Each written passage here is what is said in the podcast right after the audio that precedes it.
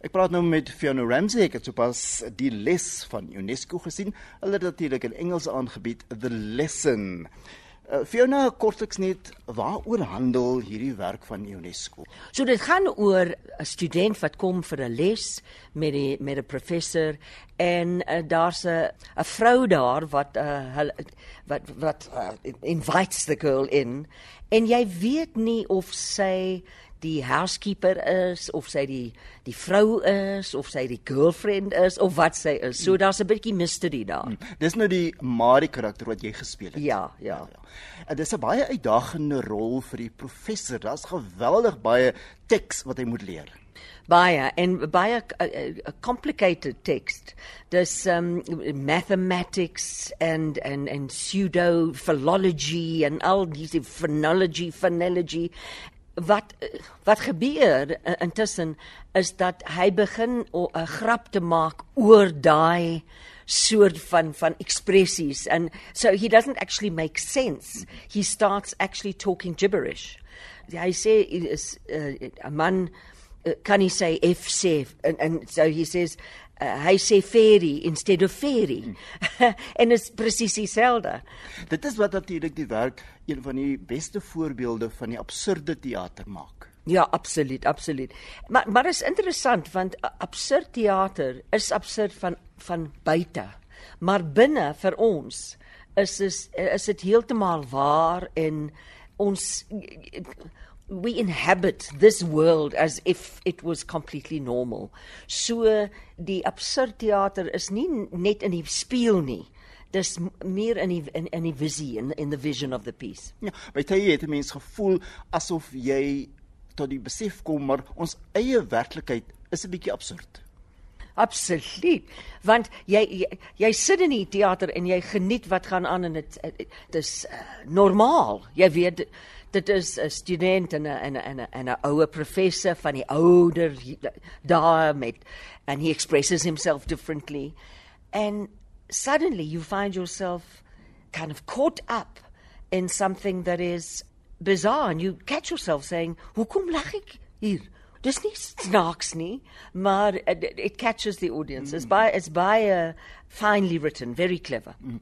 Daar's ook baie waarhede, interessante feite wat hy noem in die werk, soos byvoorbeeld die taal wat ons praat. Ons is nooit bekommerd daaroor. Ons besef nie maar ons ken 'n taal wat ander mense dalk sou aanleer as hulle dit nie sou praat nie. Maar maar ook wat dit wat dit ook sê is uh, uh, in Engels is dit so en in Spaans is dit so en is dieselfde woorde. So wat ek dink die playwright sê byvoorbeeld is is is dat language and taal uh, shouldn't divide us. You know, and I think that's what the message that it has in South Africa. Fiona, die werk is nou baie jare gelede deur Donald Watson vertaal uit Frans en hy het dit natuurlik in sy taal geskryf en toe het uh, Watson gekom en dit uh, in Engels vertaal. Maar jy het nou 'n uh, ander weergawe gebruik. Greg Homan, die regisseur, het 'n adaptation gemaak. En sy was baie interessant in in die relevans vir Suid-Afrika. En dis dis interessant want Greg en en ek het uh, by Wits Universiteit gelecture. Ek is nog steeds by die universiteit. Dit is is dit ek is die hoof van die drama en uh, teater departement. En ons we grapple with this daily.